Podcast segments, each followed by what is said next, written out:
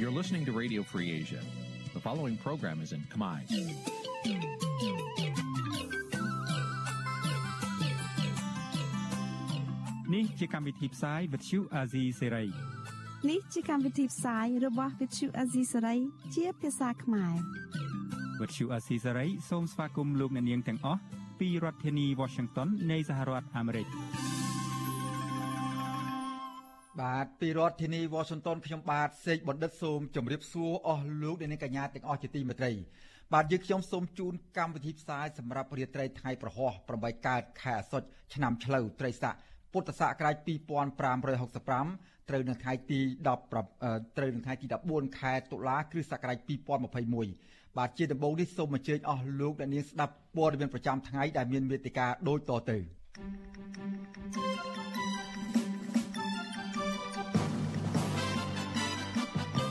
សង្គមស៊ីវិលថាសហគមន៍អន្តរជាតិបន្តរកយុទ្ធធរឲ្យលោកកំសខាព្រោះចង់ឲ្យមានដំណោះស្រាយនយោបាយ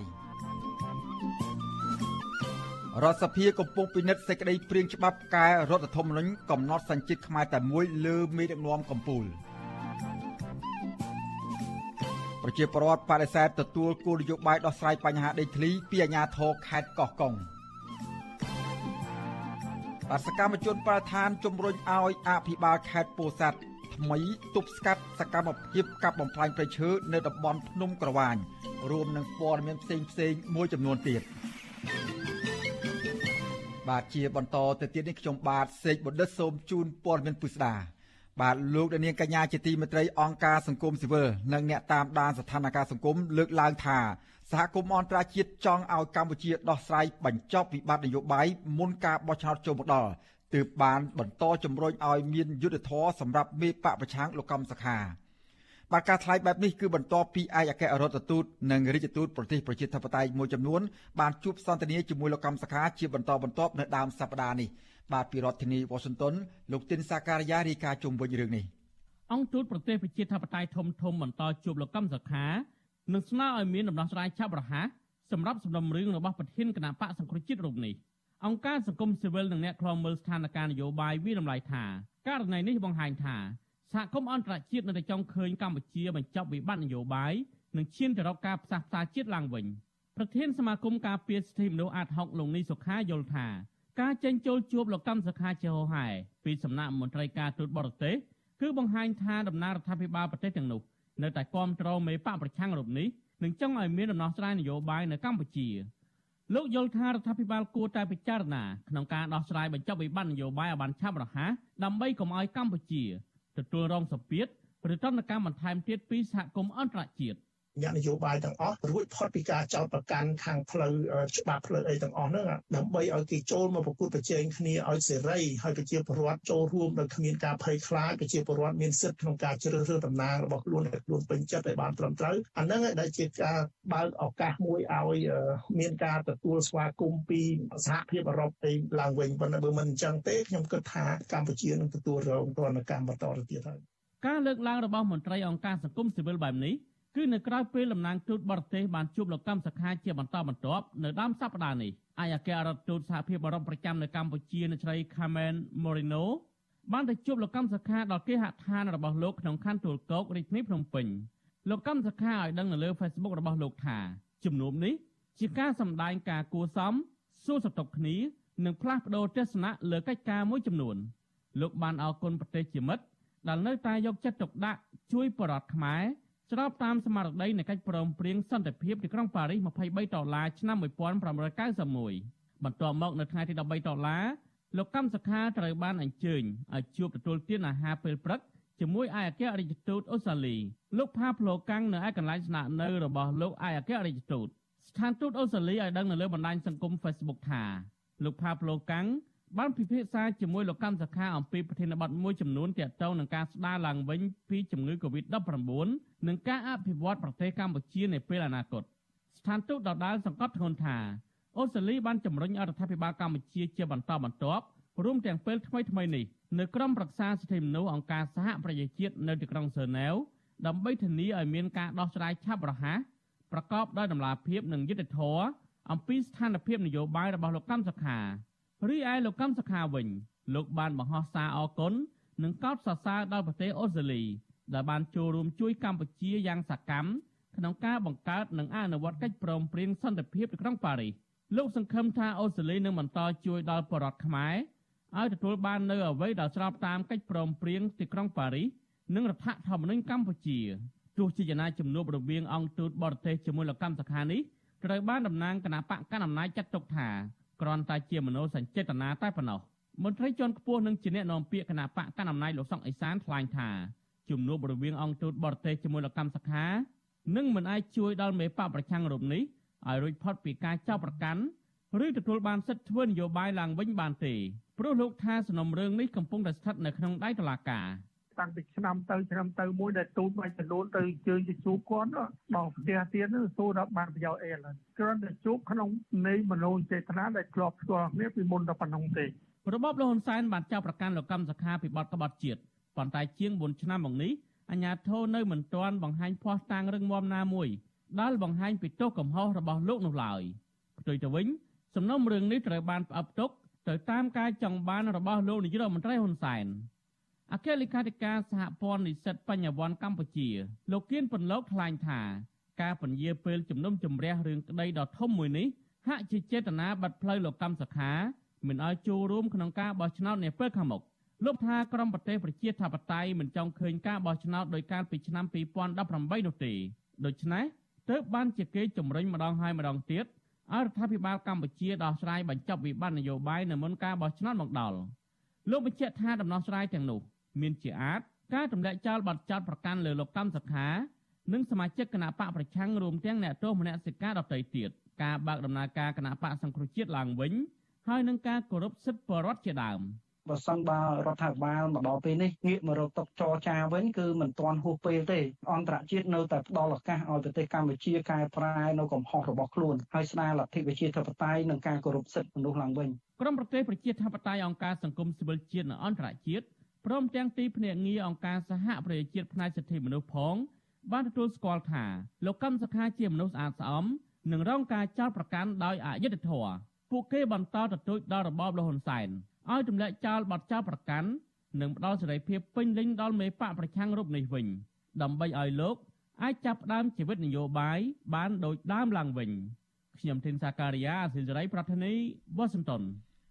បាទលោកដានៀងកញ្ញាជាទីមេត្រីលោកដានៀងកំពុងតាមដានស្ដាប់ការផ្សាយរបស់វិទ្យុអេស៊ីសរ៉ៃពីរដ្ឋធានីវ៉ាស៊ីនតោនសហរដ្ឋអាមេរិកបាទសេចក្តីព្រាងច្បាប់កែរដ្ឋធម្មនុញ្ញកំណត់សញ្ជាតិខ្មែរតែមួយបានទៅដល់គណៈកម្មាធិការជំនាញនៃរដ្ឋសភាឯកបៈហើយនៅថ្ងៃទី14ខែតុលានេះ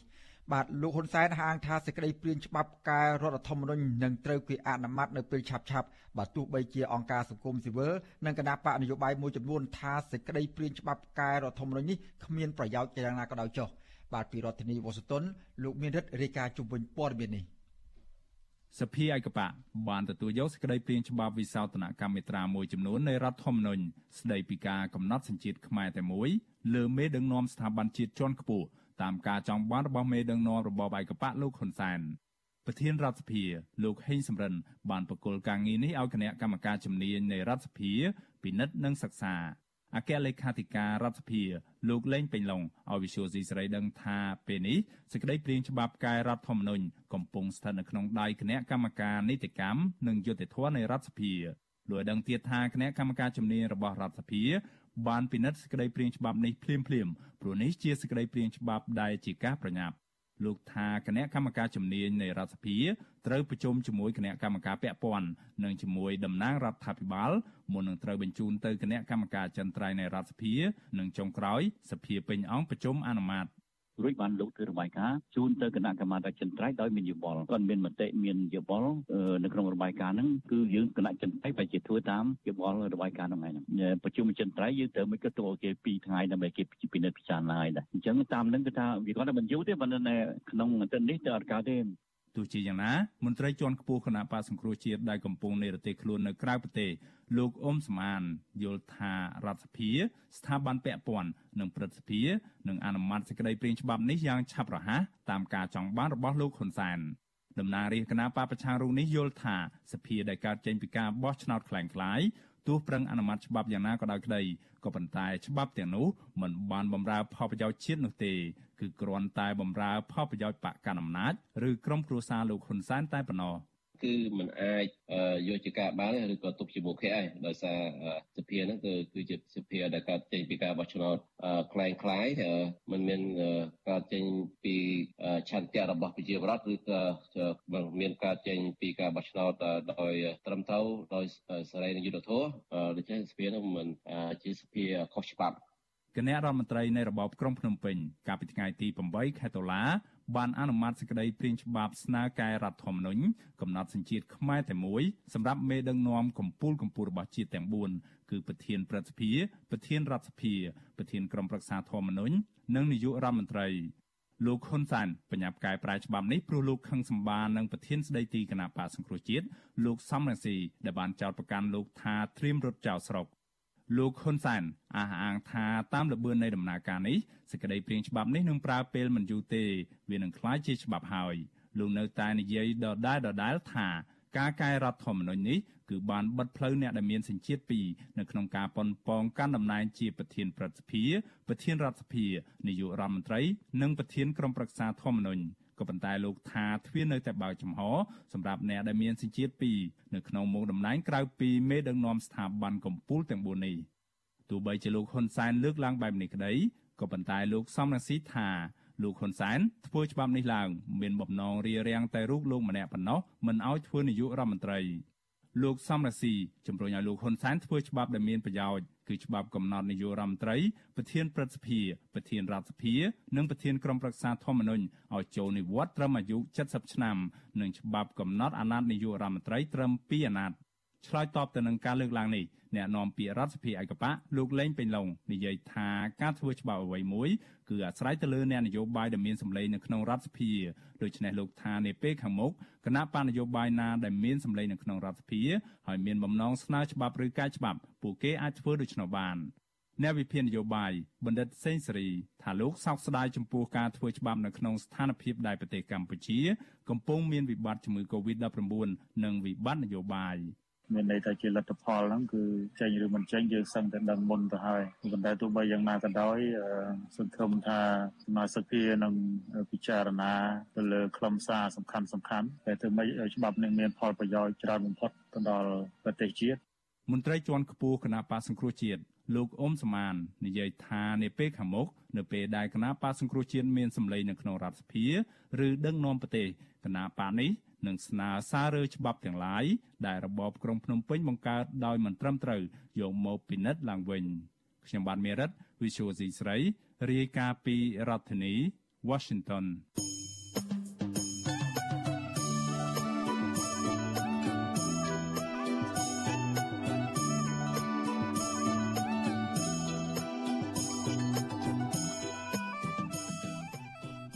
លោកអ្នកនាងកញ្ញាជាទីមេត្រីលោកអ្នកនាងកំពុងតាមដានស្ដាប់ការផ្សាយរបស់វិទ្យុអស៊ីសេរីពីរដ្ឋធានី Washington សហរដ្ឋអាមេរិកបាទលោកអ្នកនាងក៏អាចស្ដាប់ការផ្សាយរបស់វិទ្យុអស៊ីសេរីដំណើរគ្នានឹងការផ្សាយលើបណ្ដាញសង្គម Facebook និង YouTube តាមរយៈរលកថេរកាសខ្លីឬ Shortwave តាមកម្រិតនិងកម្ពស់ដូចតទៅនេះបាទពេលព្រឹកចាប់ពីម៉ោង5កន្លះដល់ម៉ោង6កន្លះតាមរយៈរលកថេរកាសខ្លី13715 kHz ស្មើនឹងកម្ពស់ 22m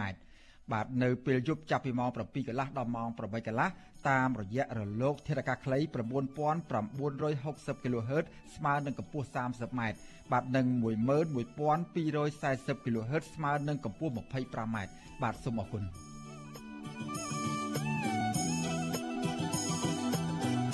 បាទឥឡូវនេះយើងមកពិនិត្យមើលស្ថានភាពជំងឺ Covid-19 វិញម្ដង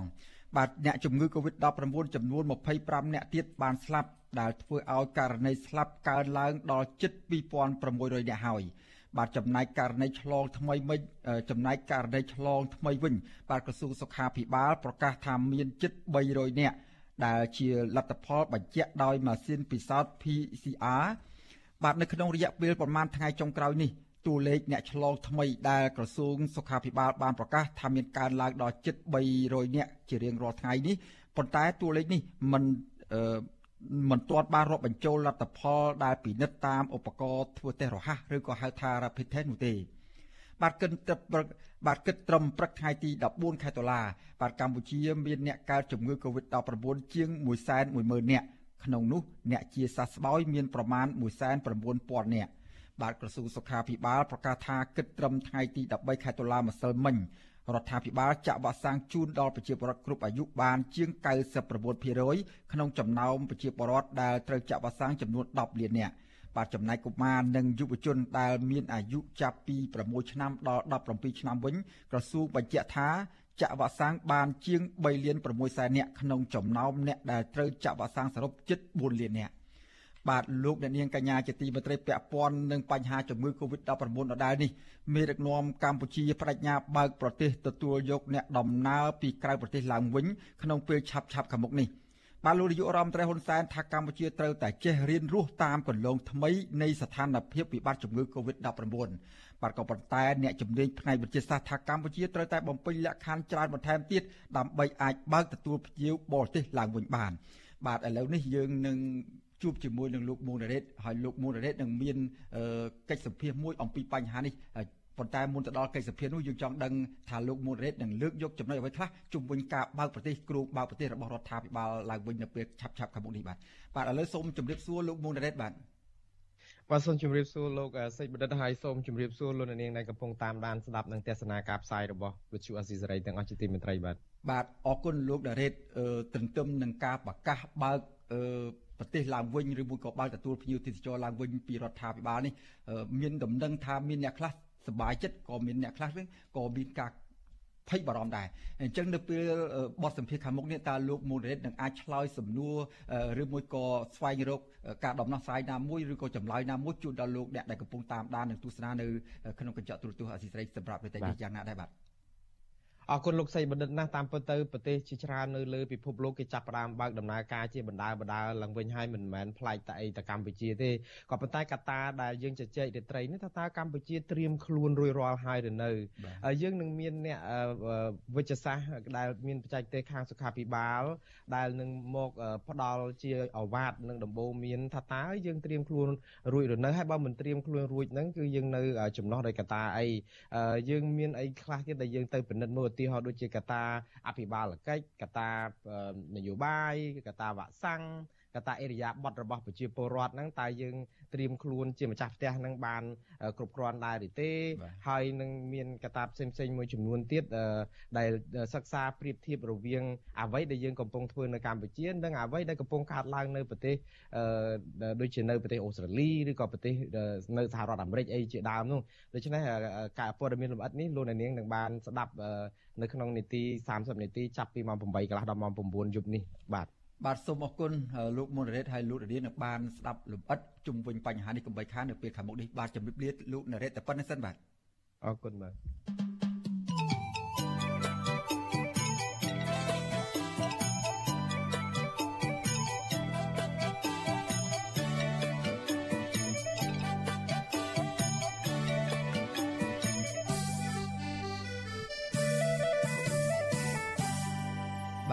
លោកនាងកញ្ញាជាទីមេត្រីឥឡូវនេះយើងក៏លេចមកមើលសំណុំរឿងសកម្មជនគណៈបកសង្គ្រោះជាតិវិញម្ដងបាទសកម្មជនគណៈបកសង្គ្រោះជាតិម្នាក់នៅខណ្ឌរិស័យកែវបាត់បង់ជំរកស្នាក់នៅក្រោយពេលដែលបុគ្គលម្នាក់ដែលគេសង្ស័យថាធ្វើការនៅក្រសួងមហាផ្ទៃបាននាំមនុស្សជាច្រើនអ្នករុះរើផ្ទះនិងបណ្ដេញគាត់ចេញពីដី កាលពីថ្ងៃទី12ខែតុលាបាទសកម្មជនរូបនេះអះអាងថាអាញាធរពពាន់មិនជួយដោះស្រាយនិងផ្ដល់សំណងជូនលោកនោះទេ បាទបាទមន្ត្រីអង្គការសង្គមស៊ីវិលចាត់ទុកទង្វើបែបនេះថាជាទង្វើខុសច្បាប់និងស្នើសុំឲ្យអាជ្ញាធរពាក់ព័ន្ធចុះស្រាវជ្រាវរឿងនេះជាបន្ទាន់បាទពីរដ្ឋធានី Washington លោកសនចាន់រដ្ឋារាយការណ៍ជុំវិញរឿងនេះសកម្មជនគណបកប្រឆាំងខណ្ឌសេកៅអះអាងថាអាញាធរចុះររើផ្ទះគាត់ដោយមិនបានជូនដំណឹងជាលេខអក្សរនោះទេនៅក្នុងពេលគាត់កំពុងសម្រាប់ព្យាបាលជំងឺនៅខេត្តព្រៃវែងសកម្មជនគណបកសង្គ្រោះជាតិខណ្ឌសេកៅលោកយ៉ងត្រាបានប្រាប់វិទ្យុអាស៊ីសេរី នៅថ្ងៃទី14ខែតុលាថាផ្ទះរបស់លោកធ្វើពីស័ង្កសីមានក្រាលឈើទទឹង4ម៉ែត្រនិងម្ដោយ6ម៉ែត្រដែលស្ថិតនៅជាប់ច្រាំងទន្លេសាបក្នុងក្រុមទី19ភូមិសាមគ្គីលោកបន្តថាដីនេះលោកបានជួលពីអាជ្ញាធរខណ្ឌសីកៅតម្លៃ5000រៀលក្នុងមួយខែជាមួយនឹងប្រព7គ្រួសារផ្សេងទៀតដោយមានទំហំផ្ទះប៉ុនគ្នាតម្លៃជួលប៉ុនគ្នាតាំងពីឆ្នាំ1994រហូតមកក្រោយមកអញ្ញាធិបបានបង្វែរដីឲ្យបរិមម្នាក់ធ្វើការនៅក្រសួងមហាផ្ទៃ ប៉ុន្តែពួកលោកមិនស្គាល់ឈ្មោះនោះទេលោកបញ្ជាក់ថាបរិះរូបនេះបានដឹកនាំសន្តិសុខផ្ទាល់ខ្លួនជាច្រើនអ្នកឬកំទេចផ្ទះរបស់លោកចំណែកផ្ទះពលរដ្ឋ7គ្រួសារផ្សេងទៀតដែលបានជួលដីជាមួយលោកនៅដែរត្រូវបានបរិះរូបនេះបង្ខំមកចាក់ចេញពីដីដោយផ្ដោតសំណង2លានរៀលឬប្រមាណ500ដុល្លារក្នុងគ្រួសារដោយឡែកគ្រួសាររបស់លោកវិញមិនបានទទួលសំណងអ្វីទាំងអស់ក្រោយពីមានការរើរើផ្ទះលោកបានប្តឹងទៅអាជ្ញាធរសង្កាត់និងខណ្ឌសីកែវឲ្យជួយរកដំណោះស្រាយដែរ ក៏ប៉ុន្តែរហូតមកទល់ពេលនេះពុំមានដំណោះស្រាយទេ ពួកខណ្ឌវងចាស់ដីហ្នឹងគេថាថ្ងៃជុំហើយគេមករុះហើយហើយពីមុនមកវាធម្មតាគេមកប្រាប់ចឹងតែស្អែករូស្អែករូបានមិនជឿវាទេតែពេលសារនេះពួកខណ្ឌចុះមកវាទៅវាលេងធ្វើមែនហ្មងថ្ងៃប្រជុំហ្នឹងអត់មានអ្នកនៅទេនៅ4 5គ្រួសារហ្នឹងគេដើរមកប្រាប់ប្រាប់ចោលចឹងណាប្រាប់ខ្យល់ចោលហ្នឹងទៅអត់មានឆ្នាំឲ្យវិជាឲ្យច្បាស់លាស់អត់មានទេរឿងធ្វើបាបជាប្រវត្តិហ្មងមិនឲ្យយើងនៅនឹងបន្តទៀតចឹងរូរើលុកអីខាងណាយបន្តចឹងណាគេដោះស្រាយឲ្យ7គ្រួសារមិនដែលទៅផ្ទះខ្ញុំមួយគេធីបចោលអត់ផ្ទះហ្នឹងខ្ញុំគ្រួសារខ្ញុំប៉ះពាល់ខ្លាំងអត់ផ្ទះនេះមានតែជួលផ្ទះគេនៅលោកយងត្រាមានវ័យ42ឆ្នាំដើមកំណើតជាខ្មែរកម្ពុជាក្រោមលោកមានសមាជិកគ្រួសារ4នាក់ក្នុងនោះកូនអាយុក្រោម17ឆ្នាំមានចំនួន2នាក់លោកបញ្ជាក់ថាបច្ចុប្បន្នពួកលោកកំពុងស្នាក់នៅជាមួយសាច់ញាតិបដាសន្ននៅរាជធានីភ្នំពេញលោកចាត់តុកការរើរើផ្ទះនេះថាជាការធ្វើទុកបុកម្នេញផ្នែកនយោបាយពីសំណាក់បុគ្គលមានអំណាចនៃអាជ្ញាធរខេត្តរសីកែវ ដើម្បីយកដីរបស់លោកទាំង8គ្រួសារលក់ឲ្យជនជាតិចិនតាក់ទងបញ្ហានេះមេភូមិសាមគ្គីលោកអ៊ីងងឹងបានប្រាប់វិទ្យុអាស៊ីសេរីថាលោកពុំមានពាក់ព័ន្ធនឹងការរើរើផ្ទះរបស់ពលរដ្ឋនោះទេជាមួយគ្នានេះលោកអះអាងថាពុំមានអាជ្ញាធរណាយកដីច្រាំងទលេដាពលរដ្ឋនៅនោះលក់ឲ្យជនជាតិចិននោះទេដីមាត់ទលេថាដីរដ្ឋទៅខាងលិចខាងកើតផ្លូវដីយ៉ាងណីទលេបើងាយយើងច្បាប់ទៅដីយ៉ាងណីទលេប៉ុន្តែមិនដឹងគ្រួសារគេដេញបណ្ណាខ្លះខ្ញុំអត់បានចោះទៅខ្ញុំឈឺដែរ ពេលខ្ញុំអត់ដឹងព្រោះខ្ញុំអត់មានពាក់ព័ន្ធនឹងលោកដោមាត់ទលេពលរដ្ឋណាវិទ្យុអេស៊ីសរ៉េមិនតន់អាចតតងចៅសង្កាត់រសីកែវលោកមូវរៈនិងអភិបាលខណ្ឌរសីកែវលោកអែកខុនឌឿនដើម្បីសុំការថាតបាយបន្ថែម អំពីការចាប់ប្រកាន់នេះបាននៅឡើយទេ នៅថ្ងៃទី14ខែតុលាដោយទូរស័ព្ទចូលចរន្តដងពុំមានអ្នកលើកចំណែកអភិបាលរងរាជធានីភ្នំពេញលោកមានច័ន្ទយ៉ាដាសូមមិនឆ្លើយតបចំពោះរឿងនេះទេ បើទោះបីជាយ៉ាងណាអ្នកនាំពាក្យសមាគមការពារសិទ្ធិមនុស្សអាត់ហុកលោកសឹងសានករណាមានប្រសាសន៍ថាការដាក់អាញាធររើផ្ទះរបស់បរិនេះគឺជាទង្វើខុសច្បាប់ដោយសាររឿងនេះទំនងជាអាញាធមមូលដ្ឋានខុបខិតគ្នាជាមួយបុគ្គលធ្វើការនៅក្រសួងមហាផ្ទៃលក់ដីច្រាំងទលេលោកស្នើអាញាធរស្រាវជ្រាវរឿងនេះដើម្បីដោះស្រាយជូនពលរដ្ឋនិងចាត់វិធានការតាមផ្លូវច្បាប់លើអ្នកពាក់ព័ន្ធអ្នកពាក់ព័ន្ធផ្សេងផ្សេងទៀតទាំងអស់ហ្នឹងណា ហើយបើសិនជា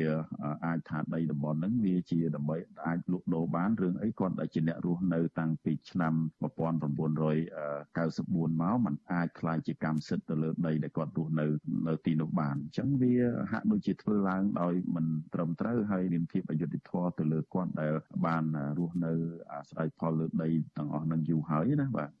សកម្មជនបពប្រឆាំងលោកយងត្រាថ្លែងថាលោកគ្មានប្រាក់ទិញដីធ្វើផ្ទះថ្មីនោះទេ ហើយលោកក៏អំពាវនាវដល់អាជ្ញាធរក្រុងភ្នំពេញឲ្យជួយដោះស្រាយជូនគ្រួសារលោកជាបន្ទាន់ដោយសារលោកថាគ្រួសាររបស់លោកស្នាក់នៅជាមួយសាច់ញាតិបានរយៈពេលខ្លីប៉ុណ្ណោះមន្ត្រីសិទ្ធិមនុស្សលោកសឹងសានករណាយល់ថាសកម្មជនរំនេះគួរដាក់ពាក្យប្តឹងទៅអាជ្ញាធររាជធានីភ្នំពេញនិងអង្គការសិទ្ធិមនុស្សដើម្បីស្វែងរកដំណោះស្រាយរឿងនេះខ្ញុំសនចាន់រដ្ឋាវិទ្យុអាស៊ីសេរីរាយការណ៍ពីរដ្ឋធានីវ៉ាស៊ីនតោន បាទលោកនាងកញ្ញាជាទីមេត្រីលោកនាងកំពុងតាមដានស្ដាប់ការផ្សាយរបស់វិទ្យុអេស៊ីសរ៉ៃពីរដ្ឋធានីវ៉ាស៊ីនតោនសហរដ្ឋអាមេរិកបាទពាក់ព័ន្ធនឹងបញ្ហាចំនួនដីធ្លីនៅភូមិភាគឦសាននៅវិញបាទព្រះរាជអាជ្ញាអមសាលាឧទ្ធរខេត្តត្បូងឃ្មុំ បាទលោកកុលប៊ុនបានចេញដីកាកោះហៅដំដំណើរជនជាតិដើមភាគតិចភ្នងនៅខេត្តមណ្ឌលគិរី10នាក់ឲ្យចូលបំភ្លឺក្នុងនាមដើមបណ្ដឹងនៅថ្ងៃទី10នៅថ្ងៃទី25ខែតុលាខាងមុខនេះក្នុងសំណុំរឿងចំនួនដីធ្លីនៅតំបន់ភ្នំរ៉ាដាងស្ថិតនៅក្នុងសង្កាត់រមនីក្រុងសែនមនោរមខេត្តមណ្ឌលគិរីបាទដើមបណ្ដឹងជាតំណាងជនជាតិដើមភ្នង លោកស្រីរឿនហ៊ឿនប្រាប់វិទ្យុអស៊ីសេរីនៅថ្ងៃទី15ខែតុលាថាពួកលោកពលលោកស្រីនឹងត្រៀមខ្លួនឆ្លើយបំភ្លឺនៅសាលាធរខេត្តត្បូងឃ្មុំ ដោយភ្ជាប់ភ័ស្តុតាង និងឯកសារច្បាស់លាស់ដោយបញ្ជាក់ថាមានការទិញលក់ដីនៅតំបន់ភ្នំរ៉ាដាងដោយខុសច្បាប់បាទលោកស្រីបញ្ជាក់ទៀតថាកន្លងទៅពួកលោកស្រីបានប្តឹងជាពលរដ្ឋនៅមូលដ្ឋាន2នាក់ ទៅសាលាដំបងខេត្តមណ្ឌលគិរីពីបទធ្វើឯកសារមិនប្រក្រតីតាក់ទិននឹងការលុកដីតំបន់ភ្នំរ៉ាដាងក៏ប៉ុន្តែតុលាការបានតម្កល់រឿងនេះដោយអត់ចាត់ការបាទលោកស្រីហួសចិត្តចំពោះទង្វើរបស់តុលាការខេត្តមណ្ឌលគិរីថាមិនយកចិត្តទុកដាក់ថែរក្សាធនធានធម្មជាតិនិងមរតកដូនតាដែលដំសល់ទុកពីជនជាតិដើមភាគតិចភ្នងពីដើមជនបាទដែលបន្សល់ទុកពីជនជាតិភាគដើមភាគតិចដើម្បីគោរពបូជា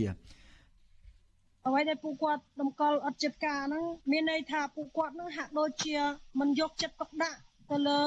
ការថែរក្សានិងអភិរក្សកន្លែងព្រៃអរិយអ្នកតាដែលយើងតម្កល់ទុកតាំងពីដូនពីតាមករហូតអញ្ចឹងហើយដល់ពេលដែលពួកគាត់អត់ធ្វើការអញ្ចឹងទៅជាសញ្ញាមួយដែលបង្ហាញថាពួកគាត់អត់យកចិត្តទុកដាក់ការថែរក្សាហើយពួកគាត់ចង់តែបំផ្លាញ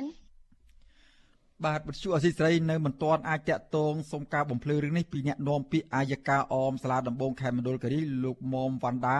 បាននៅឡើយទេនៅថ្ងៃទី14ខែតុលានេះដោយទូរស័ព្ទហៅចូលតែគ្មានអ្នកលើក បាទភ្នំរ៉ាដាង មានទំហំប្រមាណ20ហិកតា គឺជាបណ្ដុំប្រពៃណីវប្បធម៌ដែលក្រមប្រជាពលរដ្ឋគោរពបូជាតាំងពីបរមកាលមកក៏ប៉ុន្តែផ្នែកនៃខ្នងភ្នំនេះ មានការទិញលក់ដូរនិងឈូសឆាយព្រៃអភិរក្ស ភ្នូកប់សពរបស់ជនជាតិដើមភាគតិចអស់ជាច្រើនហិកតាកាលពីឆ្នាំ2020រហូតដល់ដើមឆ្នាំ2021នេះបាទភ្នំនេះជាប្រភពទឹកអូដ៏សំខាន់និងជាអណ្ដូងទឹកសមូហភាពដែលសហគមន៍ប្រើប្រាស់ប្រចាំថ្ងៃហូបចុកឆ្ពោះទៅទាំងផ្លូវហូរទៅកាន់ស្រុកកោះញែកមិនចេះរីងស្ងួតដែលមានប្រជាពលរដ្ឋរាប់ពាន់គ្រួសារអាស្រ័យផលលើអូនេះ។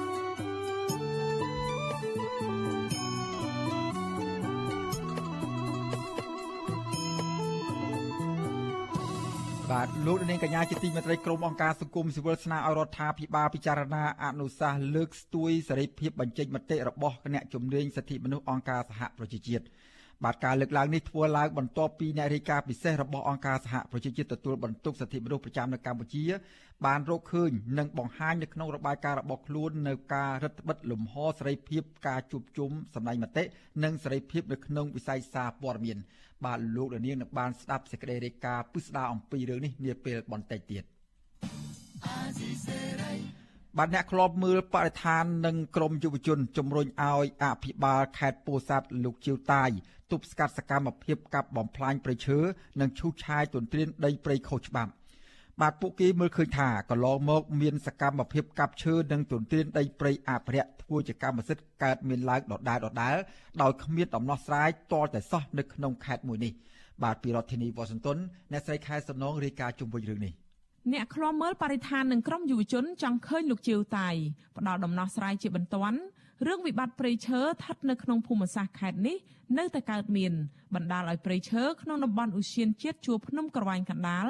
និងតំបន់ព្រៃការពារផ្សេងទៀតនៅតែបន្តបាត់បង់ប្រធានអង្គការប្រឆាំងអំពើពុករលួយទប់ស្កាត់បំផ្លាញធនធានធម្មជាតិនិងការពារសិទ្ធិពលរដ្ឋលោកជាហ៊ានប្រាប់វិទ្យុអាស៊ីសេរីនៅថ្ងៃទី14តុលាថា គ្រាន់តែឧស្សាហជាតិជួរភ្នំក្រវ៉ាញ់កណ្ដាលស្ថិតក្នុងស្រុកវាលវែងមានសកម្មភាពកាប់រុករានទន្ទ្រានព្រៃអភិរក្សដើម្បីយកដីធ្វើជាកម្មសិទ្ធិអស់ជាច្រើនពាន់ហិកតានៅរយៈពេលប្រមាណ10ឆ្នាំចុងក្រោយនេះ។លោកថាសកម្មភាពកាប់ឈើធំធំធ្វើអាជីវកម្មក្នុងតំបន់ព្រៃអភិរក្សមួយនេះនៅតែបន្តកើតមានបើទោះបីជាសមត្ថកិច្ចចុះបង្ក្រាបជារឿយៗក្តីប្រការនេះលោកថាជាចំណុចសំខាន់ដែលទាមទារឲ្យអភិបាលខេត្តថ្មីត្រូវពង្រឹងការអនុវត្តច្បាប់ព្រៃឈើឡើងវិញ លោកសង្កេតឃើញថាកន្លងទៅយន្តការបង្ក្រាបបទល្មើសព្រៃឈើរបស់អាជ្ញាធរមិនស៊ីសង្វាក់គ្នា រវាងមន្ត្រីសង្គមស៊ីវិលសហគមន៍និងសមត្ថកិច្ចពាក់ព័ន្ធដែលជាដើមចំធ្វើឲ្យបាត់ល្មើសព្រៃឈើមិនថមថយឡើយ ហើយមន្ត្រីនៅថ្នាក់ក្រមក៏លោកមានផលលំបាកផងដែរដោយសារតែមានការសពិចស្ពិលក្នុងការអនុវត្តច្បាប់នៅពេលដែលមន្ត្រីថ្នាក់ក្រមអនុវត្តទៅតែងតែមានការប្រកាសពីខាងលើអញ្ចឹងធ្វើឲ្យគ្នាលំបាកក្នុងការអនុវត្តផងដែរបាទលោកជាហ៊ានបន្ថែមថាមេខ្លោងនៅពីក្រោយខ្នងកັບទន្ទ្រានដីព្រៃអភិរក្សខុសច្បាប់ភ ieck ច្រើនជាបុគ្គលមានលុយមានអំណាចយកពលរដ្ឋជាខែលដែលមន្ត្រីជំនាញមិនហ៊ានអនុវត្តច្បាប់ធ្វើឲ្យជនល្មើសមិនរៀងចាលទៅបណ្ដាលឲ្យវិបត្តិព្រៃឈើគ្មានច្រកចេញយុវជនរស់នៅខេត្តពោធិ៍សាត់កញ្ញាសាយលឹមជួមើលឃើញថាការអនុវត្តច្បាប់ព្រៃឈើនិងការថែទាំភូខទ្របធម្មជាតិរបស់អភិបាលខេត្តមុនមុននៅតែខ្វះចន្លោះច្រើនធ្វើឲ្យបទល្មើសព្រៃឈើនៅតែបន្តកើតមានគ្មានទីបញ្ចប់ ហេតុនេះកញ្ញាចង់ឃើញអភិបាលខេត្តថ្មីមានឆន្ទៈរឹងមាំបោះសម្អាតបទល្មើសព្រៃឈើនិងអនុវត្តច្បាប់ឲ្យគ្រប់ជ្រុងជ្រោយស្របតាមច្បាប់និងគោលនយោបាយរបស់រដ្ឋាភិបាលកញ្ញាបន្ថែមថានឹងតាមដានពីសមត្ថភាពអភិបាលខេត្តថ្មីលោកជាវតាយថានឹងអាចដោះស្រាយបញ្ហានេះបានកម្រិតណា តែគាត់គ្មានឆន្ទៈទេអញ្ចឹងអាបញ្ហាហ្នឹងវានៅតែកើតឡើងដដែលដដែលអញ្ចឹងណាគាត់តែមានឆន្ទៈក្នុងការដោះស្រាយហើយនឹងការពេញទួនាទីរបស់គាត់ហ្នឹងដែរបញ្ហាការកម្មត្រៀនការកម្មផ្លាញ់ព្រៃឈើមានការដឹកឈើចេញពីតំបន់ព្រៃឈើនៅតំបន់ជួរភ្នំកវាញហ្នឹងដែរនៅអញ្ចឹងបើយើងមើលជារួមទៅវានៅតែមានការខ្វះចន្លោះណាយើងអាចមើលឃើញពីភាពខ្វះចន្លោះក្នុងការទប់ស្កាត់បាត់ល្មើសព្រៃឈើការកម្មត្រៀនព្រៃឈើហ្នឹងដែរការលើកឡើងនេះគឺបន្ទាប់ពីរដ្ឋមន្ត្រីក្រសួងមហាផ្ទៃលោកសខេងនៅព្រឹកថ្ងៃទី14ខែតុលា បានធ្វើជាអធិបតីប្រកាសមុខតំណែងលោកជាវតៃជាអភិបាលខេត្តពោធិ៍សាត់ថ្មីជំនួសលោកម៉ៅថនិនលោកសខេងបានណែនាំឲ្យអភិបាលខេត្តពោធិ៍សាត់ដែលទើបតែងតាំងថ្មីត្រូវទទួលខុសត្រូវបំពេញតួនាទីបម្រើប្រជាពលរដ្ឋនិងរដ្ឋាភិបាលឲ្យបានច្បាស់លាស់ស្របតាមរដ្ឋធម្មនុញ្ញនិងលិខិតបទដ្ឋាននានា ទន្ទឹមនឹងយើងក្តាប់បញ្ជាប់នៅគោលការណ៍គោលនយោបាយច្បាប់លិខិតបទដ្ឋានគតិយុត្តដែលពាក់ព័ន្ធត្រូវតែដោះស្រាយបញ្ហានៅក្នុងខេត្តដែនសមត្ថកិច្ចរបស់យើងនេះឲ្យបានល្អប្រសើរជាបញ្ហាដ៏មានសារៈសំខាន់ដែលយើងមិនអាចមើលរំលងបានក្នុងពេលប្រកាសមុខតំណែងលោកជាវតាយជាអភិបាលខេត្តពោធិ៍សាត់ថ្មី លោកបដិញ្ញាថានឹងប្រឹងប្រែងបំពេញតួនាទីភារកិច្ចឲ្យបានល្អប្រសើរស្របតាមច្បាប់និងគោលនយោបាយរបស់រដ្ឋាភិបាលជាធរមានទោះបីជាយ៉ាងណា លោកជាវតៃក៏ជាប់ឈ្មោះជាមន្ត្រីដែលមានរឿងអាស្រូវច្រើនដែរក្នុងតំណែងជាអភិបាលខេត្តកំពតជាង4ឆ្នាំលោករងការចោទប្រកាន់ថាខ្វះចន្លោះច្រើន ក្នុងកិច្ចការពៀទ្របសាធារណៈរបស់រដ្ឋ ដែលបណ្ដេតបណ្ដោយឲ្យបុគ្គលមានលុយមានអំណាចនិងក្រុមហ៊ុនឯកជនកាយភ្នំយ៉ាងហោចណាស់ជាង10កន្លែងធ្វើអាជីវកម្មក្នុងខេត្តកំពតអភិបាលរូបនេះក៏បណ្ដេតបណ្ដោយឲ្យមានសកម្មភាពចាក់ដីលុបព្រែកអូនិងឆ្នេរសមុទ្រដោយខុសច្បាប់ផងដែរសកម្មជនការពារព្រៃឈើលោកហេងស្រស់សង្កេតឃើញថាអភិបាលខេត្តពោធិ៍សាត់មុនមុននិងសមត្ថកិច្ចពាក់ព័ន្ធនៅមិនទាន់អនុវត្តច្បាប់ព្រៃឈើឲ្យម៉ឺងម៉ាត់ស្របតាមទិសដៅច្បាប់នោះទេ លោកគិតថាការដោះស្រាយបញ្ហានេះក៏អាស្រ័យទៅលើឆន្ទៈរបស់រដ្ឋាភិបាលដែរព្រោះអ្នកដែលពាក់ព័ន្ធกับបំផ្លាញព្រៃឈើគឺជាមន្ត្រីធំធំ និងក្រុមអង្គការមួយចំនួនធ្វើឲ្យអភិបាលខេត្តពិបាកនឹងអនុវត្តច្បាប់លោកថាបារដ្ឋាភិបាលមានចំហច្បាស់លាស់បង្ក្រាបបទល្មើសព្រៃឈើគួរតែលុបបំបាត់រោងចក្រអាឈើទាំងអស់ និងហាមមិនឲ្យមានចរាចរណ៍ឈើទៅក្រៅប្រទេសជាដើមឆន្ទៈរបស់រដ្ឋាភិបាលបើសិនជារដ្ឋាភិបាលគាត់មានឆន្ទៈក្នុងការដោះស្រាយកុំឲ្យមានការកំផ្លាញព្រៃឈើនៅក្នុងប្រទេសកម្ពុជាអានោះយើងជឿជាក់ថារាល់សកម្មភាពដែលកាប់បំផ្លាញព្រៃឈើនៅក្នុងប្រទេសកម្ពុជាវាមិនអាចកើតឡើងបានទេអង្គការឃ្លាំមើលព្រៃឈើពិភពលោក Global Forest Watch បានផ្សាយរបាយការណ៍ស្រាវជ្រាវមួយ រកឃើញថាគម្របព្រៃឈើជាង14សែនហិកតាត្រូវបានបាត់បង់ នៅក្នុងតំបន់ជួរភ្នំក្រវាញកណ្ដាលចន្លោះពីឆ្នាំ2001ដល់ឆ្នាំ2019ការបាត់បង់គម្របព្រៃឈើធំធេងនេះធ្វើឲ្យប៉ះពាល់ដល់ព្រៃអភិរក្សទាំង8នៅតំបន់នោះចា៎នាងខ្ញុំខែសុណងវັດឈូអាស៊ីសេរីរាយការណ៍ពីរដ្ឋធានី Washington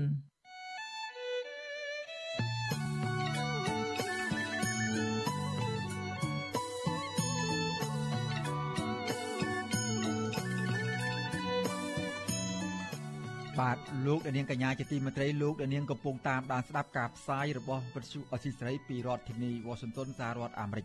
បាទក្រៅពីតាមដានស្ដាប់ការផ្សាយរបស់វិទ្យុអស៊ីសេរីតាមបណ្ដាញសង្គម Facebook YouTube និង Telegram នោះលោកដានាងក៏អាចតាមដានស្ដាប់ការផ្សាយរបស់យើងតាមបណ្ដាញសង្គម Instagram របស់អស៊ីសេរីតាមតំណភ្ជាប់ដែលមានអាសយដ្ឋាន www.instagram.com/rfa ខ្មែរ បាទអាស៊ីស្រីបន្តខិតខំផ្សព្វផ្សាយព័ត៌មានពិតទៅកាន់បងប្អូនតាមរយៈបណ្ដាញសង្គមផ្សេងផ្សេងនិងសម្បូរបែបដើម្បីឲ្យអស់លោកនាងងាយស្រួលតាមដានការផ្សាយរបស់អាស៊ីស្រីគ្រប់ពេលវេលានិងគ្រប់ទីកន្លែងតាមរយៈទូរស័ព្ទដៃរបស់អស់លោកនាង បាទសូមអរគុណ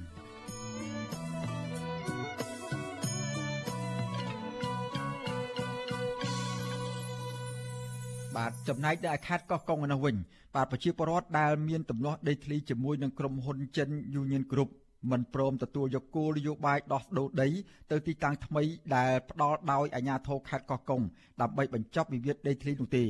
ព្រោះពួកគាត់អះអាងថាអាជ្ញាធរផ្ដល់សំណងមិនមានតម្លាភាពបាទប្រជាពលរដ្ឋស្នើសុំឲ្យអាជ្ញាធរពិនិត្យនិងដោះស្រាយបញ្ហានេះជូនពួកគាត់ឡើងវិញដោយផ្ដល់សំណងសមរម្យដែលស្របទៅតាមទំហំដីដែលពួកគាត់បាត់បង់ បាទពីរដ្ឋធានីវ៉ាស៊ីនតោនអ្នកស្រីម៉ៅសុធីនីរាយការណ៍ជុំវិញព័ត៌មាននេះប្រជាប្រដ្ឋជាច្រើនខូសារស់នៅស្រុកគិរីសាគរនិងស្រុកបតុមសាគរខេត្តកោះកុងបដិសេធទទួលយកបានកម្មសិទ្ធិចាប់ដីលោតដែលអាជ្ញាធរខេត្តកោះកុងផ្ដល់ឲ្យចាប់ពី1ហិកតាដល់2ហិកតានៅថ្ងៃទី14ខែតុលាដោយសារតែដំណោះស្រាយមិនសមទៅនឹងផលប៉ះពាល់ដែលពួកគាត់បានបាត់បង់ដីអស់ជាច្រើនហិកតាក្នុងរយៈពេលជាង10ឆ្នាំមកនេះ។ ការមិនព្រមទទួលសំណងនេះក្រោយដែលអាជ្ញាធរខេត្តកោះកុងនិងក្រសួងដែនដីសម្រាប់ផ្ដល់ដំណោះស្រាយខុសៗគ្នាតាមគោលនយោបាយរបស់រដ្ឋាភិបាល ដោយបែងចែកប្រជាប្រដ្ឋជាង1300គ្រួសារចេញជា3ក្រុមដែលរងផលប៉ះពាល់ពីគម្រោងវិនិយោគអភិវឌ្ឍរបស់ក្រុមហ៊ុនចិនយូនៀត ចាប់ប្រជាប្រដ្ឋក្រុមទី1ដែលរស់នៅក្នុងទីតាំងវិនិយោគរបស់ក្រុមហ៊ុន មានចំនួនជាង200គ្រួសារទទួលបានដីផ្ទះទំហំកន្លះហិកតា ដីចម្ការ3ហិកតា និងថវិកាចំនួន9000ដុល្លារក្នុងមួយគ្រួសារចាចំពោះបរដ្ឋក្រុមទី2ដែលទីតាំងដីរបស់ពួកគាត់ខុសភូមិនិងឃុំ គឺមានជាង200គ្រួសារទទួលបានដីចម្ការទំហំ2ហិកតាក្នុងមួយគ្រួសារ ចំណែកឯបរដ្ឋក្រុមទី3ដែលស្នើសុំគោលការណ៍បន្ថែម មានជាង800គ្រួសារទៀតគឺទទួលបានដីចម្ការទំហំ1ហិកតាក្នុងមួយគ្រួសារចាដោយឡែកប្រជាប្រដ្ឋស្នើសុំដីសម្បត្តិសង្គមគិច្ចវិញរដ្ឋាភិបាលនឹងធ្វើការដោះស្រាយតាមក្រោយ ចាប់ប្រដ្ឋម្នាក់ដែលមានដីចម្ការ9ហិកតានៅឃុំតានួនស្រុកបទុមសាគរលោកសំធីត្រូវបានអាជ្ញាធរដាក់ឈ្មោះគ្រួសាររបស់លោក ក្នុងចំណោមបរដ្ឋក្រុមទី3ប៉ុន្តែលោកមិនទទួលយកដំណោះស្រាយនេះទេលោកចាត់ទុកថាគោលនយោបាយនេះ គឺជាការចាប់បង្ខំឲ្យបរដ្ឋព្រមទទួលយកតាមអ្វីដែលអាជ្ញាធរកំណត់ឲ្យដោយមិនពិគ្រោះយោបល់ជាមួយប្រជាពលរដ្ឋនិងមានការចូលរួមពីអង្គការសង្គមស៊ីវិលនោះឡើយ។ បើគាត់ទៅបានត្រឹមតែ5ហិកតាឬក៏4ហិកតាយើងទៅឲ្យលុយតាមនឹងមកដូចទាថាដីខ្ញុំ9ហិកតាឲ្យខ្ញុំ5ហិកតាឲ្យដោះស្រាយលុយ4ហិកតានឹងវិញមកគោលនយោបាយពីមុនប្រហែល1ហិកតា8000អញ្ចឹងទៅមានខ្ញុំថាអីអត់មានតោះខុសទេ ចាស្រដៀងគ្នានេះបរដ្ឋម្នាក់ទៀតដែលមានដីចំការជាង60ហិកតានៅឃុំភ្ញីមាសស្រុកគិរីសាគរលោកស្រីទឹកទេមត្រូវបានអាជ្ញាធរសម្រេចឲ្យដី1ហិកតាដោយសារតែទីតាំងដីនោះខុសពីលំនៅឋាននៅឃុំព្រែកខ្សាច់លោកស្រីថ្លែងថាការផ្ដាល់ដំណោះស្រាយបែបនេះ គឺជារឿងអយុត្តិធម៌និងមិនអាចទទួលបានឡើយចំពោះលោកស្រីនិងប្រជាប្រដ្ឋផ្សេងទៀតដែលមានដីធ្លីជាច្រើនហិកតាដោយធ្លាប់អាស្រ័យផល តាំងតែពីឆ្នាំ1980ចាស់តត្រីវ័យ63ឆ្នាំរូបនេះស្នើសុំរដ្ឋាភិបាលគិតគូរផ្ដល់សំណងជូនពួកគាត់ឲ្យបានសមរម្យជាងនេះដោយផ្អែកទៅតាមទំហំដីដែលបានបាត់បង់ទៅខាងក្រុមហ៊ុនចិនខ្ញុំចង់ថាឲ្យអាជ្ញាធរនោះដោះស្រាយឲ្យយុត្តិធម៌ដោះដូរគឺដោះដូរឲ្យមានតម្លាភាព ពាក្យដោះដូរគឺឲ្យมันបានស្មើក៏ក៏បាន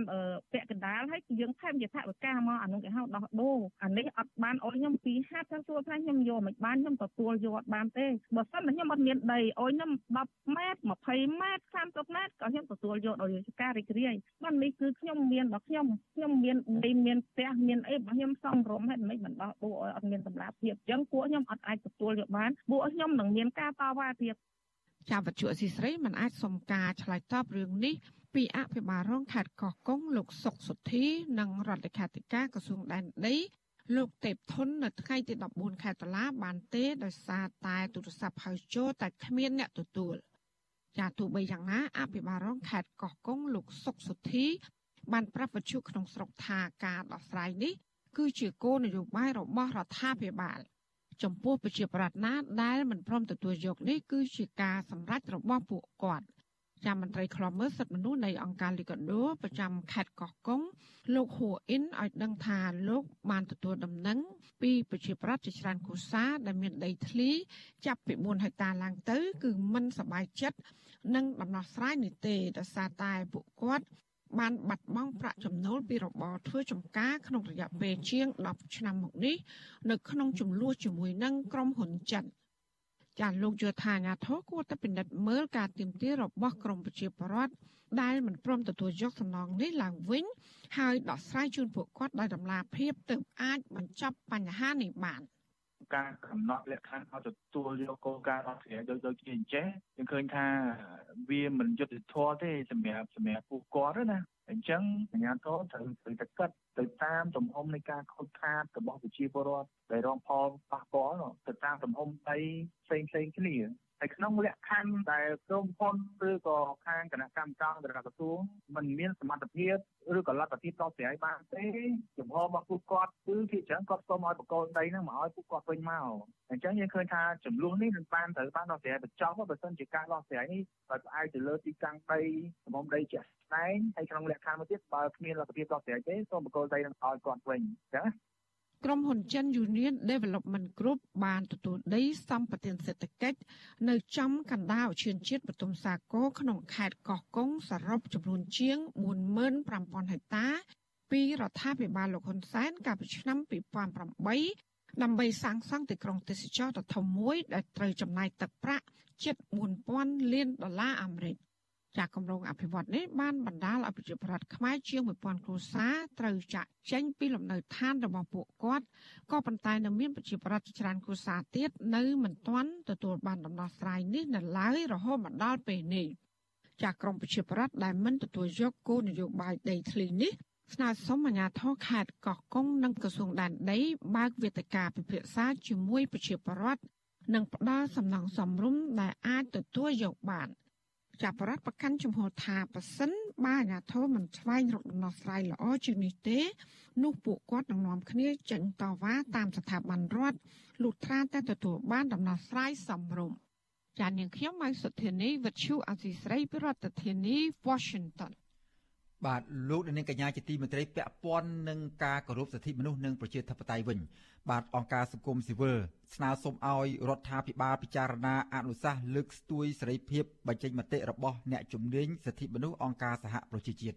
បាទការលើកឡើងនេះធ្វើឡើងបន្ទាប់ពីអ្នករាយការណ៍ពិសេសរបស់អង្គការសហប្រជាជាតិទទួលបន្ទុកសិទ្ធិមនុស្សប្រចាំនៅកម្ពុជា បានរកឃើញនិងបង្ហាញក្នុងរបាយការណ៍របស់ខ្លួននៅការរឹតបន្តឹង លំហសេរីភាពការជួបជុំសម្ដែងមតិនិងសេរីភាពនៅក្នុងវិស័យសារព័ត៌មានបាទក៏ប៉ុន្តែរបបក្រុងភ្នំពេញបានចេញបដិសេធថាការវិតម្លៃពីស្ថានភាពសិទ្ធិមនុស្សនៅកម្ពុជា មានភាពលំអៀងនិងគ្មានមូលដ្ឋាន បាទពីរដ្ឋធានីវ៉ាស៊ីនតោនអ្នកស្រីខែសំណងរាយការណ៍ពិស្ដារអំពីរឿងនេះ អ្នកធ្វើការផ្នែកសិទ្ធិមនុស្សអ្នកសារព័ត៌មានឯករាជ្យនិងអ្នកតស៊ូមតិក្នុងស្រុកសម្ដែងក្តីបារម្ភចំពោះការបដិសេធរបស់រដ្ឋាភិបាលទៅលើការរកឃើញរបស់អ្នករាយការណ៍ពិសេសអង្គការសហប្រជាជាតិពួកគេថាការដែលរដ្ឋាភិបាលមិនទទួលស្គាល់ទង្វើរបន្តឹងរបស់ខ្លួននឹងធ្វើឲ្យសិទ្ធិសេរីភាពសម្ដែងមតិរបស់ពលរដ្ឋខ្លួនឯងធ្លាក់ចុះកាន់តែខ្លាំងនាំឲ្យប៉ះពាល់ដល់ការរីកចម្រើននៃប្រទេសជាតិប្រធានសមាគមការពារសិទ្ធិមនុស្សអាត់ហុកលោកនីសុខា មានប្រសាសន៍ថាយោងតាមការសង្កេតកន្លងមក ការចាប់ចងនិងការរដ្ឋបတ်សិទ្ធិសេរីភាពជាមូលដ្ឋានរបស់ពលរដ្ឋគឺបានផ្សារភ្ជាប់ទៅលើបរិយាកាសនិងកម្ដៅនយោបាយលោកថាដើម្បីឲ្យស្ថានភាពនេះបានធូរស្រាលគឺមានតែអ្នកនយោបាយគណៈបកកាន់អំណាចនិងគណៈបកប្រឆាំងដែលមានសម្លេងគាំទ្រច្រើនងាកមករកតុកចរចានិងការត្រូវរើគ្នាឡើងវិញ។ ដំណោះស្រាយទៅមុខគឺថាមានតែអ្នកនយោបាយទេដែលត្រូវតែងាកមករកការស្រោះស្រួលដោះស្រាយបញ្ហានយោបាយទាំងអស់ហ្នឹងដើម្បីឲ្យ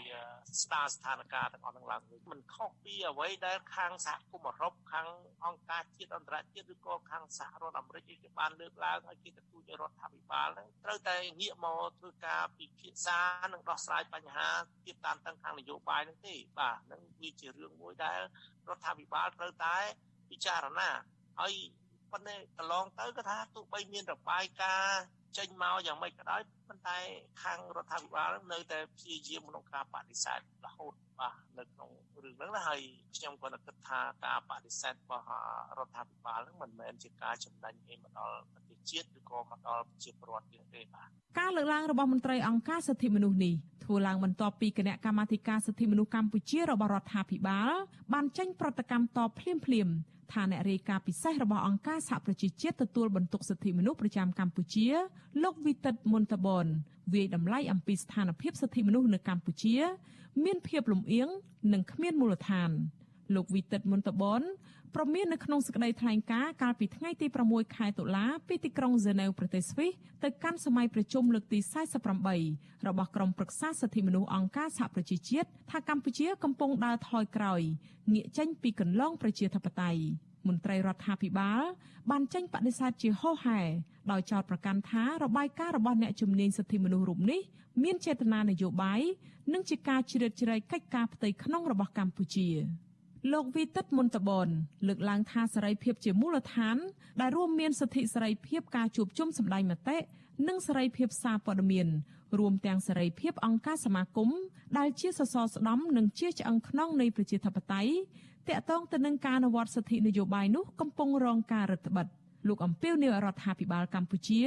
ងាកមករកផ្លូវត្រូវនៃកន្លងប្រជាធិបតេយ្យវិញដោយត្រូវបើកសិទ្ធិសេរីភាពជូនប្រជាពលរដ្ឋនិងស្ដារប្រជាធិបតេយ្យមកវិញ។ លោកថាសេរីភាពក្នុងការបញ្ចេញមតិគឺជាបញ្ហាធំមួយនៅក្នុងអំឡុងវិបត្តិជំងឺ Covid-19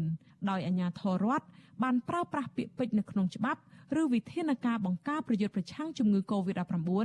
ដែលមានការរដ្ឋបတ်ខ្លាំងដល់ការគោរពសិទ្ធិមនុស្សរហូតមកដល់ពេលនេះ មានមនុស្សរាប់រយនាក់ត្រូវបានអាជ្ញាធររដ្ឋពិន័យឃាត់ខ្លួន និងចាប់ដាក់ពន្ធនាគារក្រោមការអនុវត្តច្បាប់នេះភាពធ្ងន់ធ្ងរនៃច្បាប់នេះដែរនោះ គឺកំណត់ទោសទណ្ឌជាប់ពន្ធនាគារអាយរហូតដល់20ឆ្នាំដោយសារតែការមិនគោរពតាមវិធានរដ្ឋបាលលោកសង្កត់ធ្ងន់ថាការចាប់ខ្លួនពលរដ្ឋដែលហ៊ាននិយាយរិះគន់រឿង COVID-19 នេះធ្វើឲ្យប៉ះពាល់ដល់សេរីភាពក្នុងការបញ្ចេញមតិធ្វើឲ្យប្រជាពលរដ្ឋរឹតបន្តឹងខ្លួនឯងនិងការបញ្ចេញមតិត្រូវគេតាមដានរីឯការជួបប្រជុំសម្ដែងមតិក៏ត្រូវរារាំងមិនអាចអនុវត្តបាន ជារៀងរាល់លើកក្រមស្ត្រីសាច់ញាតិមន្ត្រីនិងសកម្មជនគណៈបកប្រឆាំងដែលចេញតវ៉ាដោយសន្តិវិធីនៅមុខតុលាការនិងដាក់ញត្តិសុំអន្តរាគមន៍តាមស្ថានទូតប្រទេសប្រជាធិបតេយ្យដោះលែងសាច់ញាតិរបស់ពួកគេ តែងត្រូវបានសន្តិសុខរបស់អាជ្ញាធររាជធានីភ្នំពេញដាក់កម្លាំងច្រើនលើសលប់ពីអ្នកតវ៉ាប្រវាយប្រតប់ដណ្ដើមបដាប្រើពាក្យសម្ដីមាក់ងាយនិងបង្ករបួសស្នាមលើក្រុមស្ត្រីទាំងនោះចូលចូលមកជួយ លើចូលចូលប្រាំងអស់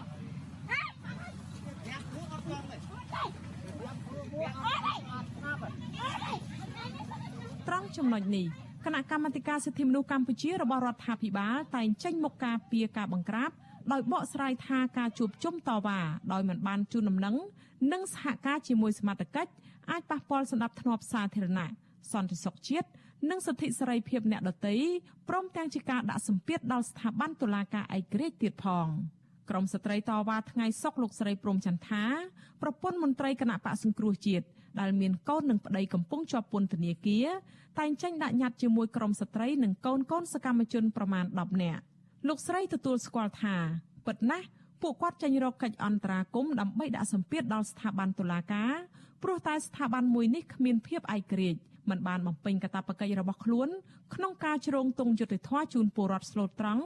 ដោយមានកំណត់ក្នុងរដ្ឋធម្មនុញ្ញតែបែរជាធ្វើការកាត់ទោសតាមការចង់បានរបស់អ្នកមានអំណាចនិងអ្នកនយោបាយ។ ខ្ញុំនៅតស៊ូរហូតខ្ញុំមកដកថយទៀតដោយសារខ្ញុំមិនខ្វល់វិសម្ដីពួកគាត់ទេបើសិនជាយើងមិនចេញតវ៉ាបើសិនជាយើងនៅឲ្យគាត់នៅគ្រប់ដណ្ដប់លើពួកយើងទៀតអាហ្នឹងហិតតែគាត់កាន់ន័យថាជន់កាន់តែខ្លាំងប្តីយើងជាប់គុកដែលអត់អំពើកូនយើងជាប់គុកដែលអត់អំពើដោយសារអត់មានកំហុសសោះហើយបើគាត់ដាក់គុកដាក់តន់ទោសកូននិងប្តីពួកយើងទាំងអស់គ្នាហ្នឹងហើយបើពួកយើងមិនចេញតវ៉ាទៀតវាហាក់បីដូចថាទទួលស្គាល់ថានេះជាកំហុសរបស់ប្តីពួកយើងមែនហើយពួកយើងក្បត់ជាតិមែនគាត់ទៀតនោះអីបានម្ដងបើខ្ញុំមិនចេញតវ៉ាវ៉ាទេពិភពលោកគេមិនដឹងឬក៏ជាអន្តរជាតិគេមិនដឹងថាវារងគ្រោះប្របាត់មែនអញ្ចឹងបានន័យថាទទួលស្គាល់ថាអរគុណសន្តិភាពមែនបើអត់មានសន្តិភាពសម្រាប់ពួកខ្ញុំផងហ្នឹងទៅអរគុណសន្តិភាពរបៀបម៉េចអរគុណសន្តិភាពអូនណាទៅសន្តិភាពផ្លូវចិត្តនិងផ្លូវកាយហើយនេះអត់មានអរគុណសន្តិភាពស្អីទៀតបើអត់មានផ្លូវចិត្តផ្លូវកាយសន្តិភាពផងអញ្ចឹងអត់សុខចិត្តទេភ្ជាប់ទៅនឹងសេរីភាពសម្ដែងមតិនិងវិស័យសារព័ត៌មានវិញអ្នករាយការណ៍ពិសេសរបស់អង្គការសហប្រជាជាតិទទួលបន្ទុកសិទ្ធិមនុស្សប្រចាំកម្ពុជាក៏បានរំលេចឡើងដែរថា សេរីភាពសារព័ត៌មានក៏រងការប៉ះពាល់ដែរដោយសារតែកម្ពុជាមានភាពស្រពេចស្រពិលនិងភាពមិនច្បាស់លាស់ច្រើនតាក់ទងទៅនឹងការចែងច្បាប់នានាដែលប៉ះពាល់ដល់ការលើកស្ទួយប្រជាធិបតេយ្យ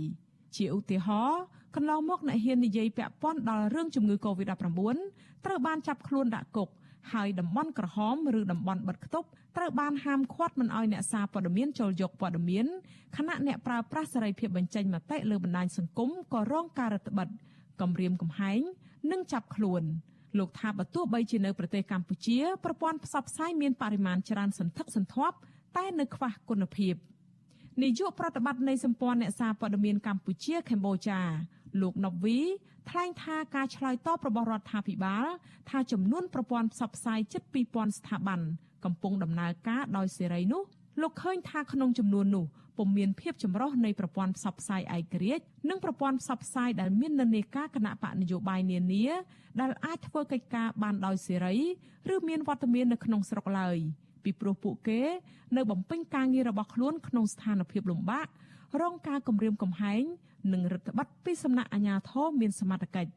លោកថាចំណុចនេះរដ្ឋាភិបាលគួរតែឆ្លុះបញ្ចាំងនិងពិចារណាឡើងវិញ។ ជារួមគួរតែមានការបើកទូលាយសម្រាប់ដំណើរការនៃប្រព័ន្ធផ្សព្វផ្សាយគ្រប់និន្នាការនយោបាយគួរតែទទួលបាននូវការគ្រប់គ្រងហើយនឹងការផ្ដល់មធ្យោបាយពីសមត្ថកិច្ចក៏ដូចជាក្រសួងរបស់រដ្ឋាភិបាលទី1ទី2សម្រាប់អ្នកសារព័ត៌មានទូទៅគួរតែគាត់ទទួលបាននូវការគាំពារទាំងសុវត្ថិភាពទាំងមធ្យោបាយទាំងសន្តិសុខពេញលេញនៅក្នុងការធ្វើសកម្មភាព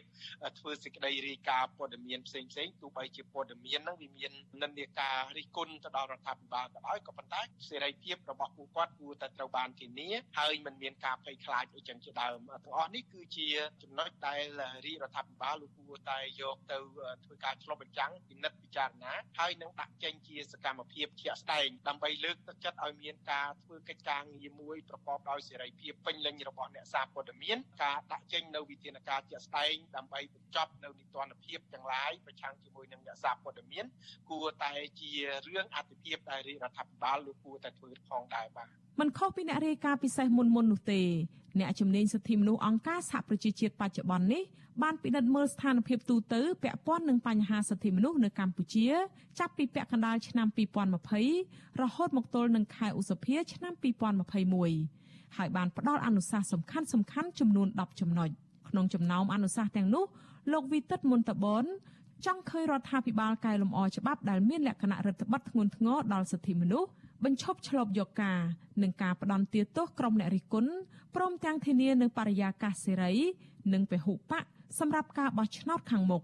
សំខាន់ជាងនេះទៅទៀតលោកចង់ឃើញរដ្ឋាភិបាលធ្វើយ៉ាងណាបើកលំហដើម្បីឲ្យមានកិច្ចសន្ទនាការផ្សះផ្សាជាតិនិងការស្ដារស្ថាប័នជាតិឡើងវិញ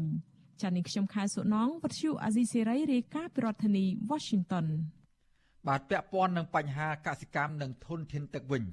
ប្រជាកសិករនៅខេត្តបាត់ដំបងស្នើសុំឲ្យអភិបាលខេត្តថ្មីគ្រប់គ្រងធនធានទឹកឲ្យបានច្បាស់លាស់ដើម្បីស្រោចស្រពកសិកម្មរបស់ពួកគាត់ឲ្យទទួលបានទិន្នផលខ្ពស់បាទពីរដ្ឋធានី Washington អ្នកស្រីសុជីវីរាយការណ៍ជុំវិញរឿងនេះពលរដ្ឋនៅខេត្តបាត់ដំបងថ្នាក់ថ្នាក់ចិត្តតេតិននឹងការគ្រប់គ្រងប្រព័ន្ធធារាសាស្ត្ររបស់អាជ្ញាធរខេត្តនេះខ្វះចន្លោះច្រើន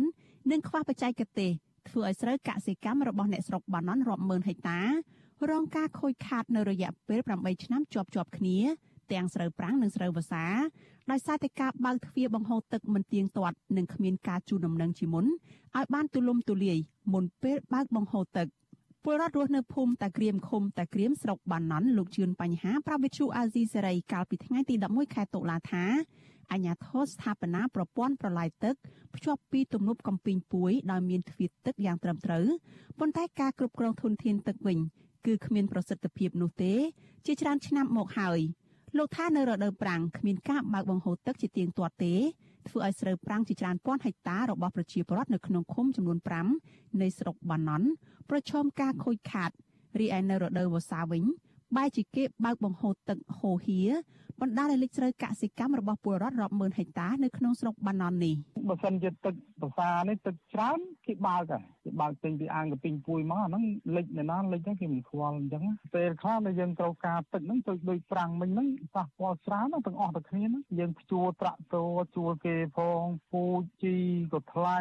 កម្លាំងពលកម្មផ្សេងផ្សេងហ្នឹងរស់គោយន្តរស់អីព្រោះអីហ្នឹងចូលស្រូវមានណាបានទេនៅខ្លះក៏ចោលទៅជាបរដ្ឋបើកម្ដងម្ដងសិតតវ៉ាលើគ្នាទៅបានគេបើកឲ្យពលរដ្ឋដដែលបន្ថែមថាបញ្ហានេះកើតមានដដែលដដែលជិត10ឆ្នាំមកហើយ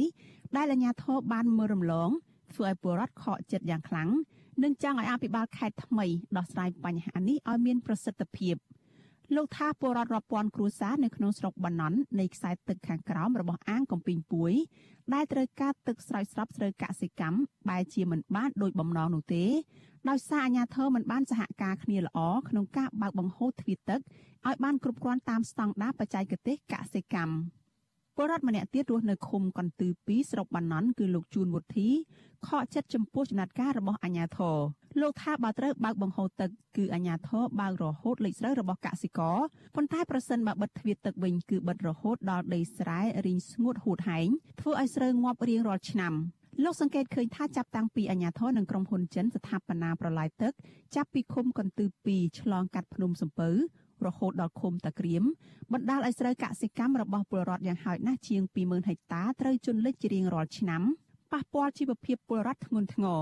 លោកបញ្ជាក់ទៀតថាមុនពេលមិនទាន់មានប្រឡាយទឹកនៅតំបន់នោះស្រូវស្រែរបស់អ្នកភូមិមិនដែលជន់លិចដូច្នោះទេពលគឺពួកគាត់ធ្វើកសិកម្មបែបប្រពៃណីប្រវាស់មេឃទទួលបានទិន្នផលខ្ពស់ បានតែខែភាសាទៀតខែភាសាហ្នឹងអាគ្នាមានត្រាច់ក្នុងត្រែមានត្រាច់ហើយបើខែមកលិចអស់នេះប្រហែលឆ្នាំអាចបងហើយការងារអត់វាអត់មានទៅពឹងពាក់ទៅលើត្រែមួយមុខចឹងទៅឥឡូវដោតទៅលើអារឿងបន្លាយចិត្តនឹងខែប្រាំងគេអត់ឲ្យទេគេថាទឹកគេខ្វះខាតដល់ក្រៅពីបញ្ហាទឹកនេះប្រជាកសិករនៅខេត្តបាត់ដំបងក៏ត្អូញត្អែរឿងផលិតផលកសិកម្មមានដូចជាស្រូវនិងដំឡូងមីជាដើម តែងតែប្រឈមបញ្ហាខ្វះទីផ្សារឬលក់បានតម្លៃទាបដែលធ្វើឲ្យកសិករខាតបង់ប្រាក់ឬជំពាក់ធនាគារនិងចុងក្រោយសម្រាប់ចិត្តចំណាក់ស្រុកទៅក្រៅប្រទេសបើទោះបីជាប្រជាកសិករស្នើសុំបែបនេះក៏ពួកគាត់មួយចំនួនហាក់មិនសូវមានសង្ឃឹមទៅលើអភិបាលខេត្តថ្មីដែរព្រោះការផ្លាស់ប្តូរអភិបាលខេត្តអាចគ្រាន់តែធ្វើឲ្យល្អមើលនិងចែកផលប្រយោជន៍គ្នាតែប៉ុណ្ណោះ។ ការលើកឡើងនេះគឺបន្ទាប់ពីរដ្ឋមន្ត្រីក្រសួងមហាផ្ទៃលោកសខេងកាលពីថ្ងៃទី10ខែតុលាបានធ្វើជាអធិបតីប្រកាសតំណែងលោកសុកលូជាអភិបាលខេត្តបាត់ដំបងថ្មីជំនួសលោកងួនរតនាក្នុងពេលប្រកាសមុខតំណែងលោកសុកលូជាអភិបាលខេត្តបាត់ដំបងថ្មីលោកបានបដិញ្ញាចិត្តថានឹងប្រឹងប្រែងពង្រីកសេវាសង្គមនិងកែលម្អហេដ្ឋារចនាសម្ព័ន្ធសាធារណៈស្រោចស្រពស្រូវកសិកម្មស្របតាមការអភិវឌ្ឍមូលដ្ឋានប្រកបដោយសមធម៌ និងចីរភាពដើម្បីចូលរួមកាត់បន្ថយភាពក្រីក្ររដ្ឋមន្ត្រីក្រសួងមហាផ្ទៃលោកសខេងបានណែនាំឲ្យអភិបាលខេត្តបាត់ដំបងដែលទើបតែងតាំងថ្មីដោះស្រាយបញ្ហាប្រឈមរបស់ពលរដ្ឋដោយត្រូវទទួលយកសំណុំពរនិងក្តីកង្វល់ទាំងឡាយរបស់ពលរដ្ឋទៅដោះស្រាយឲ្យមានប្រសិទ្ធភាពខ្ពស់ប្រជាពលរដ្ឋដែលគាត់មានសំណូមពរពិតត្រង់ដើម្បីឲ្យយើងជួយ យើងក្នុងឋានៈជាអាជ្ញាធរ ជាមន្ត្រីដែលធ្វើការជូនជាតិជូនប្រជាពលរដ្ឋអញ្ចឹងយើងត្រូវតែហ៊ានប្រឡូកលើបញ្ហាទាំងអស់នោះដើម្បីយកមកដោះស្រាយជុំវិញរឿងនេះមន្ត្រីសម្របសម្រួលសមាគមការពារសិទ្ធិមនុស្សអាត់ហុកប្រចាំខេត្តបាត់ដំបងលោកយិនមេងលីយល់ថាសំណើរបស់ប្រជាកសិករនេះអភិបាលខេត្តថ្មី និងអាជ្ញាធរពាក់ព័ន្ធគួរតែពិនិត្យឡើងវិញគឺធ្វើយ៉ាងណារកឲ្យឃើញមូលហេតុពិតប្រាកដដើម្បីដោះស្រាយឲ្យមានប្រសិទ្ធភាពយូរអង្វែងលោកបន្ថែមថា អាជ្ញាធរត្រូវប្រជុំគ្នាដោះស្រាយរឿងនេះដោយដាក់ចេញនូវគោលនយោបាយមួយឲ្យបានច្បាស់លាស់រវាងអាជ្ញាធរខេត្តដើម្បីដោះស្រាយបញ្ហាប្រឈមរបស់ពលរដ្ឋឲ្យជ្រះស្រឡះ ជៀសវាងកុំឲ្យបញ្ហានេះកើតមានដដែលដដែលក៏នៅពេលដែលមានការដោះដូរគឺតែងតែមានការបដិញ្ញាចិត្តដែរតែក្រោយមកធ្វើអត់បានជាចំណុចសំខាន់អញ្ចឹងខ្ញុំខ្ញុំក៏មិនទាន់ហ៊ានវាយតម្លៃចំពោះអេដាមអាបាខៃថ្មីដែរតែក៏ខ្ញុំហាក់បីដូចជាមានសង្ឃឹមដែរថាប្រហែលជានឹងមានអ្វីថ្មីសម្រាប់ទឹកដីខេត្តបាត់ដំបងក៏ដូចជាប្រជាកសិករខេត្តបាត់ដំបងដែរបាទ អាងកំពីងពួយក្នុងស្រុកបាណន់ត្រូវបានសាងសង់ដោយកម្លាំងពលរដ្ឋតាមផែនការរបស់ខ្មែរក្រហមនៅអំឡុងឆ្នាំ1976ដល់ឆ្នាំ1977អាងនេះអាចស្តុកទឹកបានជាអតិបរមាបាន110លានម៉ែត្រគូបនិងបានស្រោចស្រពដល់ដំណាំកសិកម្មនៅក្នុងខេត្តនេះទាំងរដូវប្រាំងនិងរដូវវស្សា ប៉ុន្តែរយៈពេលជិត10ឆ្នាំចុងក្រោយនេះអាជ្ញាធរនិងក្រុមហ៊ុនឯកជនរបស់ចិនបានកសាងទ្វារទឹកនិងប្រព័ន្ធប្រឡាយទឹកគ្រប់គ្រងធនធានទឹកជូនកសិករនៅតំបន់នោះរីឯទំនប់កង្ហតក៏ត្រូវបានសាងសង់ឡើងនៅក្នុងសម័យខ្មែរក្រហមគឺត្រូវបានស្ថាបនាដើម្បីទប់ទឹកដងស្ទឹងសង្កែ នៅចំណុចកង្ហតក្នុងឃុំកន្ទឺ2ស្រុកបាណន់ប៉ុន្តែរដ្ឋាភិបាលនិងក្រុមហ៊ុនចិនបានស្ថាបនាប្រព័ន្ធធារាសាស្ត្រនេះជាថ្មីទៀតដើម្បីទាញយកទឹកសម្រាប់ផ្ដល់ទៅឲ្យប្រជាពលរដ្ឋនៅក្នុងខេត្តបាត់ដំបងមួយចំនួនប្រើប្រាស់នេះខ្ញុំសុជីវីវិទ្យុអាស៊ីសេរីពីរដ្ឋធានី Washington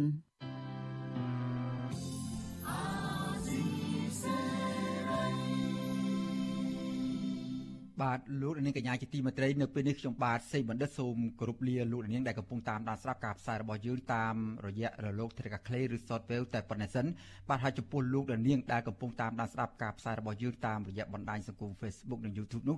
សូមលោកនាងនៅរងចាំតាមដានបន្តទៀតដោយនៅពេលខាងមុខនេះយើងមានបទសម្ភាសន៍មួយដោយផ្ដោតអំពីថាតើកម្ពុជាបានបំពេញគ្រប់លក្ខខណ្ឌដើម្បីបើកចំហជើងមេឃឡើងវិញហើយឬនៅខណៈដែលកម្ពុជាកំពុង